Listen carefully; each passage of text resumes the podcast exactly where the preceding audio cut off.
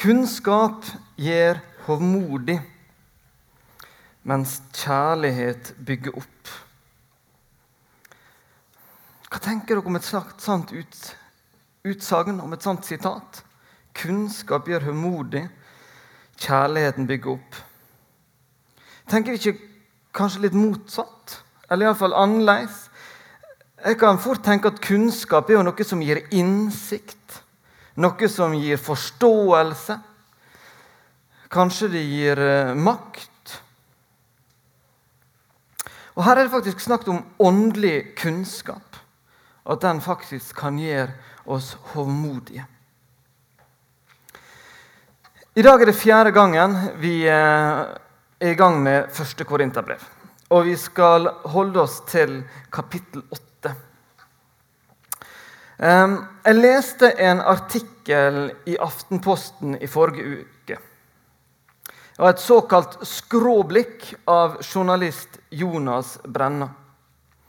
Han tok tak i det som kanskje vi vil si etter hvert blitt den utskjelte lova fra Aksel Sandemo, nemlig jantelova. Jantelova er noe som Aksel Sandemo altså skrev i 13 Eh, og kom som en del av boka 'En flyktning kryssa sine spor'. Og Den starta med ting som 'du skal ikke tro at du er noe', 'du skal ikke tro at du er like god som oss', 'du skal ikke tro at du er klokere enn oss', osv. Jonas Brenna skriver i Aftenposten at vi har i en årrekke gått til angrep på denne loven. Og kanskje med god grunn. Men kan det være at nå har dette gått litt for langt? Han mener kanskje at det har gått fullstendig galt med oss. Og sier det at en typisk kommentar, f.eks. i sosiale medier i dag, kan være 'Stå på!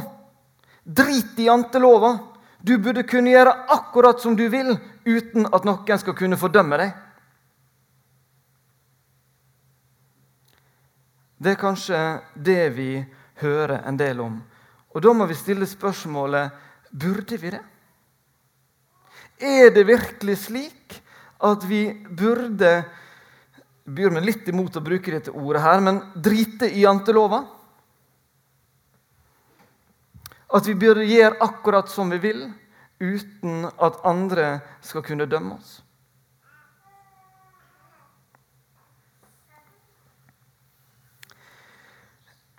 Kanskje litt vanskelig å se offerkjøttproblematikken fra oldtida relevant i Misjonssalen i Ålesund i 2019.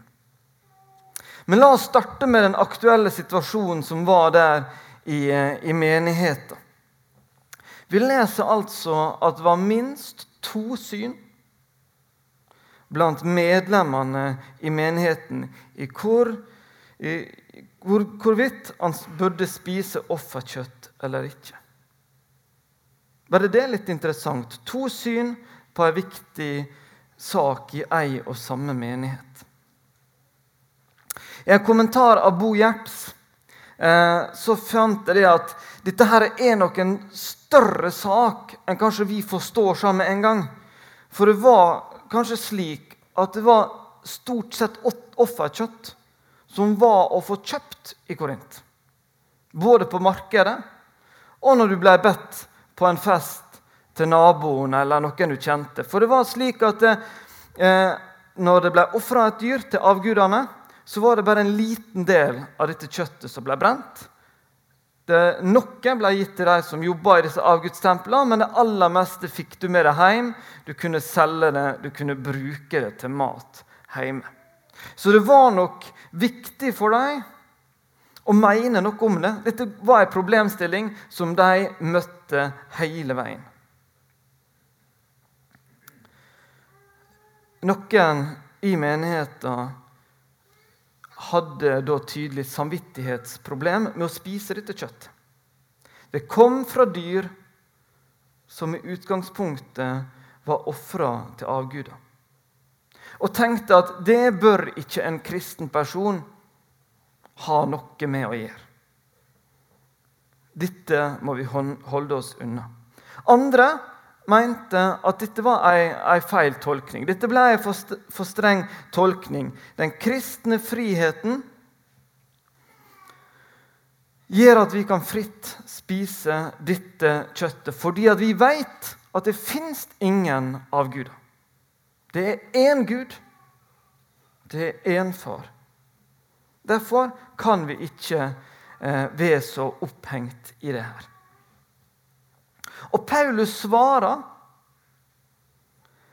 veldig tydelig på at den kristne friheten skal gi oss stort rom.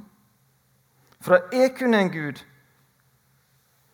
alt er til ved Han, og alt er skapt av Han. Det er en Herre, Jesus Kristus. Han sier derfor at i utgangspunktet så er det ikke noe galt i å spise dette kjøttet. Jeg ble faktisk sittende og tenke litt over den delen av budskapet. Hvor overraskende tydelig Paulus er på å løfte fram denne friheten. Kanskje har vi lett for å innskrenke den mer enn hva som er riktig. Hvis en familie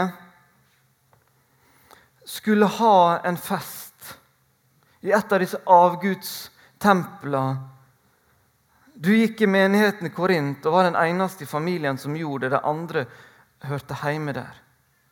Hvis du opplevde deg sjøl sikker i din tru og tenkte at det ville ikke påvirke din tru om du ble med på denne festen der, så sa Paulus ja, da kan du gjøre det.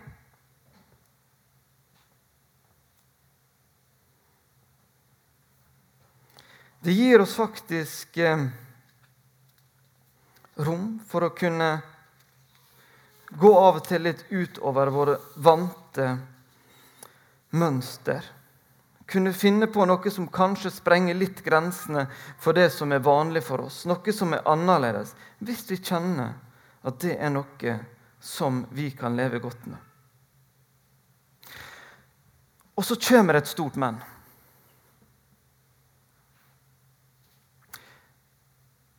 kunne det ved at det var uheldig for noen av de andre som gikk i menigheten. Kanskje det var noen i menigheten som tidligere hadde vært aktiv med i denne avgudsdyrkelsen. Og som kjente at hvis du ble med på denne festen til din familie, så ville det bli problematisk for deg.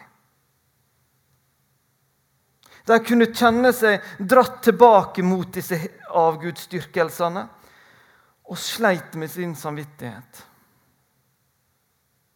Da kommer Paulus med en ny beskjed. Da sier han da skal du la være. Fordi om din kunnskap, om du er så sikker på at det er kun en Gud, det er ikke noen avguder, og at det ikke gir deg noe å være med, på denne festen, så skal allikevel kjærligheten til din bror eller søster i menigheten, det skal trumfe den kristne friheten.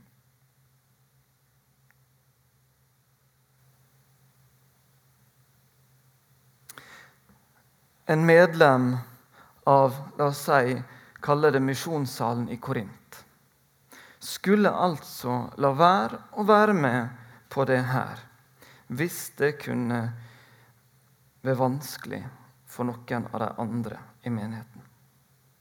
Det er rett og slett kjærligheten til mine brødre og søstre har forrang i møte med åndelig kunnskap og innsikt. Det er noe som skal vinne her. Så vi kan lage oss to prinsipp. Som kristne, tilgitte syndere er vi frie til å gjøre det som ikke skader vår egen tro. Så kommer det et stort men. Men om våre handlinger kan bidra til at et annet menneske i vår menighet får større problemer med sitt forhold til Gud, så skal vi la være. Tenk at dette er to viktige ting som samtidig er mulig å misbruke. Men kanskje dette skal være noe som vi kan ta med oss i vår hverdag. Jeg skal prøve å ta dette ned og se hva det kan bety i praksis for oss. Og Da vil jeg si at vi er inne på, på et tema i dag der at vi må kunne bruke skjønn. Det er ikke alle svar som er mulig å sette to streker under. Og kanskje du i dag er uenig med noe av det jeg sier. Men jeg har lyst å, å si noe, og være litt tydelig. Um, og ikke være så redd for å mene noe. Fordi at jeg tror at det var veldig bra at Paulus han skrev dette brevet og ville mene noe om en situasjon i menigheten i Korint. Og jeg tenker at Bibelen og Jesus ønsker å fortelle oss noe i misjonssalen i Ålesund i 2019. Og da skal vi lytte.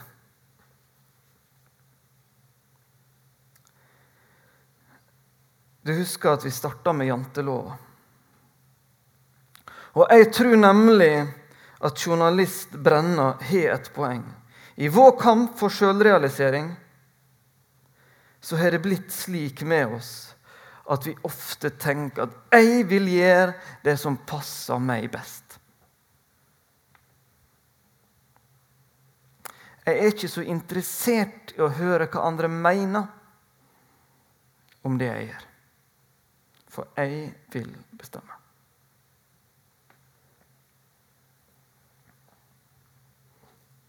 Kanskje gjaldt det også noen i Korint. De mente de var så sikre på at nå hadde de forstått Bibelens budskap.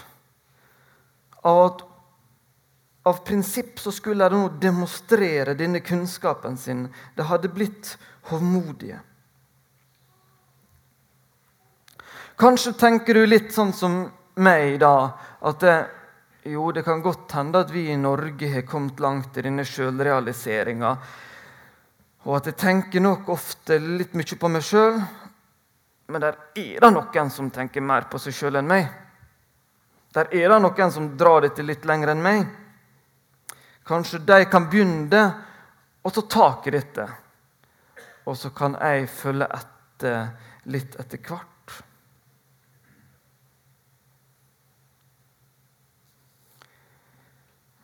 Kanskje vi eh, heller skulle begynne å tenke på oss sjøl. Tenke igjennom hvordan lever vi med disse spørsmåla. Hva gjør vi med disse to prinsippene her? Burde vi ta tak i eget liv? Nå er ikke det slik at offerkjøtt eh, i butikkene er et problem for oss, en stor utfordring som vi må forholde oss til. Men kanskje vi andre dilemma. Det kan være tid. Det kan være penger.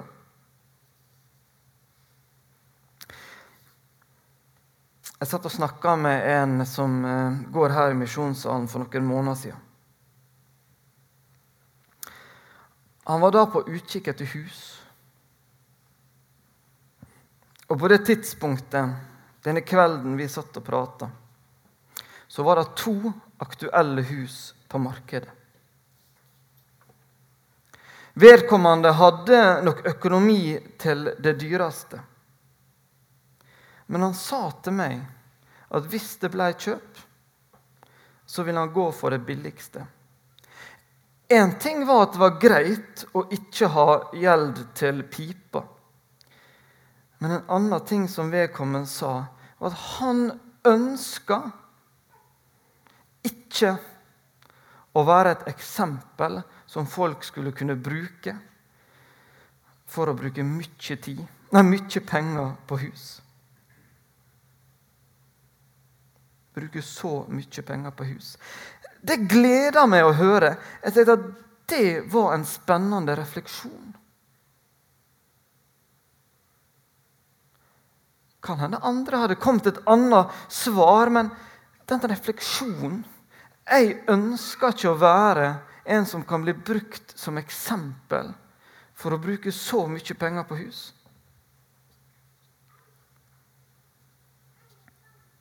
Jeg har også vært med i samtaler, diskusjoner, der folk snakka om hva bil er greit å ha. Ikke om hva er muligheten til å kjøpe, men hva er fornuftig å ha for meg? Og Jeg syns dette her er spennende refleksjoner. Så er kanskje hus og bil veldig synlig, men det kan gjelde ferieturer. Det kan gjelde sminke. Det kan gjelde klær. Det kan gjelde kjøp av teknisk utstyr. Det er liten tvil om at vi har frihet til å bruke pengene våre. Noen har rett og slett vært flinkere enn andre til å forvalte dem på en god måte. Sørger for å, å komme til en situasjon der de har mulighet til å kjøpe ting som er større, bedre og dyrere enn andre. Noen klarer å spare og kjøpe noe de virkelig vil, mens andre kanskje bruker opp på småting underveis. Skal ikke den som da har jeg spart, har en del penger, får lov til å bruke det som man vil? Paulus er tydelig på at friheten skal være stor. Han er tydelig på at vi skal ikke tvinge hverandre inn i et spesielt mønster. Kunnskapen vår tilsier at det er måter å begrunne godt for at vi står fritt til å bruke de midlene vi er til rådighet. Selvsagt etter at vi har gitt tiende, da. Men det, Paulus argumenterer for det, og vi skal ta med oss det. Men hvis vi begynner å si at jeg fortjener å bruke disse pengene som jeg vil Andre kan passe på seg sjøl Kan vi da fort havne i hovmodige tanker? Kan det være at vi er med å legge et kjøpepress på andre? Kan det være med at vi er med å sette så mye fokus på penger, på eiendeler her i denne verden, at det er med å føre noen på vei bort fra menigheten vår.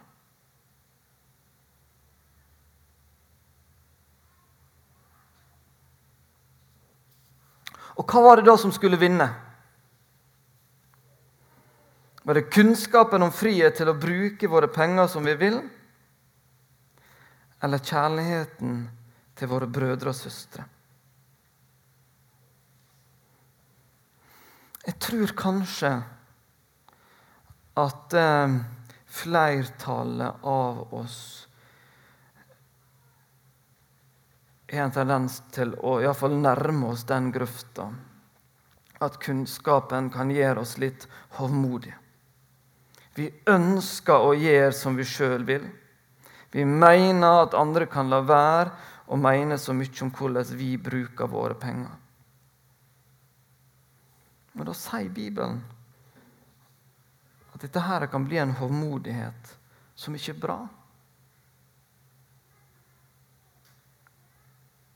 Jeg tror jeg skal tenke over det her. Andre tema som jeg også vil være litt innom, det var tid. Jeg har nå vært her i misjonssalen i fire og et halvt år. Jeg begynner å kjenne iallfall en god del av dere. Og noe som jeg har kommentert herifra før, men som jeg stadig ser, at jeg tenker det er litt for mange som litt for ofte er på randen av å være utslitt. Hva er det for noe? Hvordan bruker vi tida vår? Hvordan er vi eksempel overfor andre på det området? Og Kanskje det kan henge sammen med med pengene med. At et ønske om å ha mer penger å bruke på oss sjøl tvinger oss til å jobbe mer. Og Kanskje legger vi lista for høyt når det gjelder å bidra ja, både i menighet, idrettslag og politikk.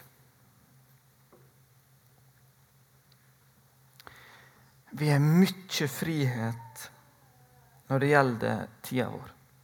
Det er utrolig mye flott vi kan bruke tida vår til. Som vi har lov til å bruke tida vår til. Og som Bibelen sier at vi skal løfte fram.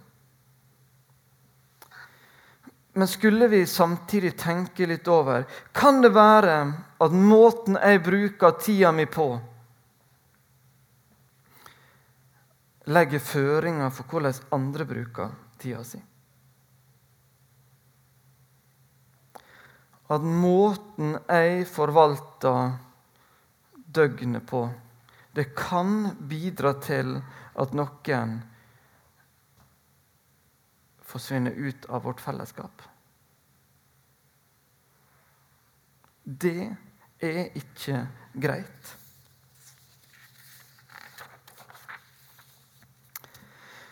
Så om vi ikke kjenner så mye på denne offerkjøttproblematikken, så tror jeg at Korinterbrev, 1. Korinterbrev 8 har mye å si til oss i dag. Det er mange sterke krefter som ønsker å ta fra oss friheten. Og ta fra oss livsgleden. Og så er det minst like sterke krefter som vil at vi skal bli mer og mer en del av denne verden. Mens Bibelen sier at det er forskjell på å leve i verden og av verden. Vi skal tørre å være en motkultur på noen områder. Og for å klare det så trenger vi en sterk tanke som stadig får påfyll av energi. Jeg ønsker at vi alle sammen skal få kjenne på mye frihet. Vi er forskjellige mennesker. Og vi kommer til å gjøre forskjellige ting som andre vil være uenige Men jeg ønsker at vi kan ta til oss denne teksten og bruke det til å reflektere over våre valg. Tenke igjennom hvordan er det vi prioriterer i livet vårt. Er det ting vi gjør med livet vårt som kan være med å føre noen vekk fra vårt fellesskap? Da, sier Bibelen, at da må kjærligheten komme på banen og så må den trumfe friheten.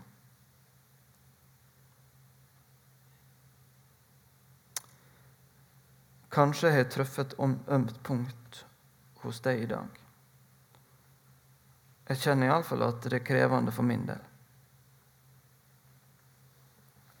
Kanskje du kjenner på dårlig samvittighet. Kanskje med grunn, kanskje uten grunn. Men jeg håper at dette kan være med å bidra til at vi kan få flere samtaler i vår menighet. Med venner, med ektefeller. Kanskje rundt et bord med kirkekaffen etterpå. Som har et preg av at vi ønsker å ta hensyn til hverandre. Paulus han avslutta dette kapittelet ganske brutalt. Når dere synder mot deres søsken på denne måten og sårer deres svake samvittighet, synder dere mot Kristus selv. Dersom mat fører min bror eller søster til fall, vil jeg aldri i evighet spise kjøtt, for jeg vil ikke føre dem til fall.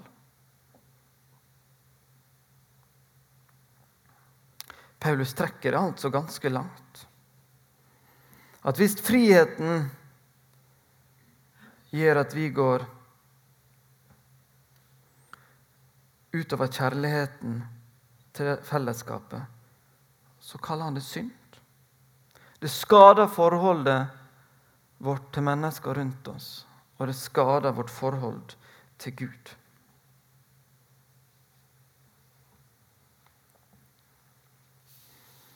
Jeg vet at vi har lærere her i menigheten vår som ikke legger ut treningsbilder på Instagram og Facebook for å, for å ikke legge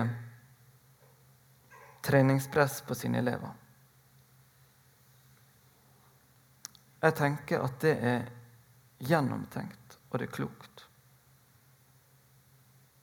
Mens jeg stadig legger ut bilder både av trening og turer rett som det.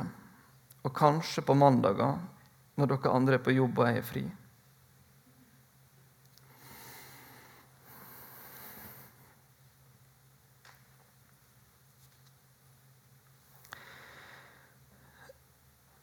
Det er store muligheter til å bli for streng med seg sjøl. Jeg tenker at vi også har eksempel på det i menigheten vår. Men for de fleste av oss så er det nok hovmodigheten et større problem enn for mye kjærlighet. Tru at du er noe, for du er skapt i Guds bilde. Tru at du duger til utrolig mye, for Gud har lagt ned i deg veldig mye godt. Bry deg også om hva som er det beste for deg rundt deg. Fordi du også har et ansvar for deg. Og for å vise dem at de også duger. Så la kjærligheten overvinne egoismen og sjølrealiseringa. Amen.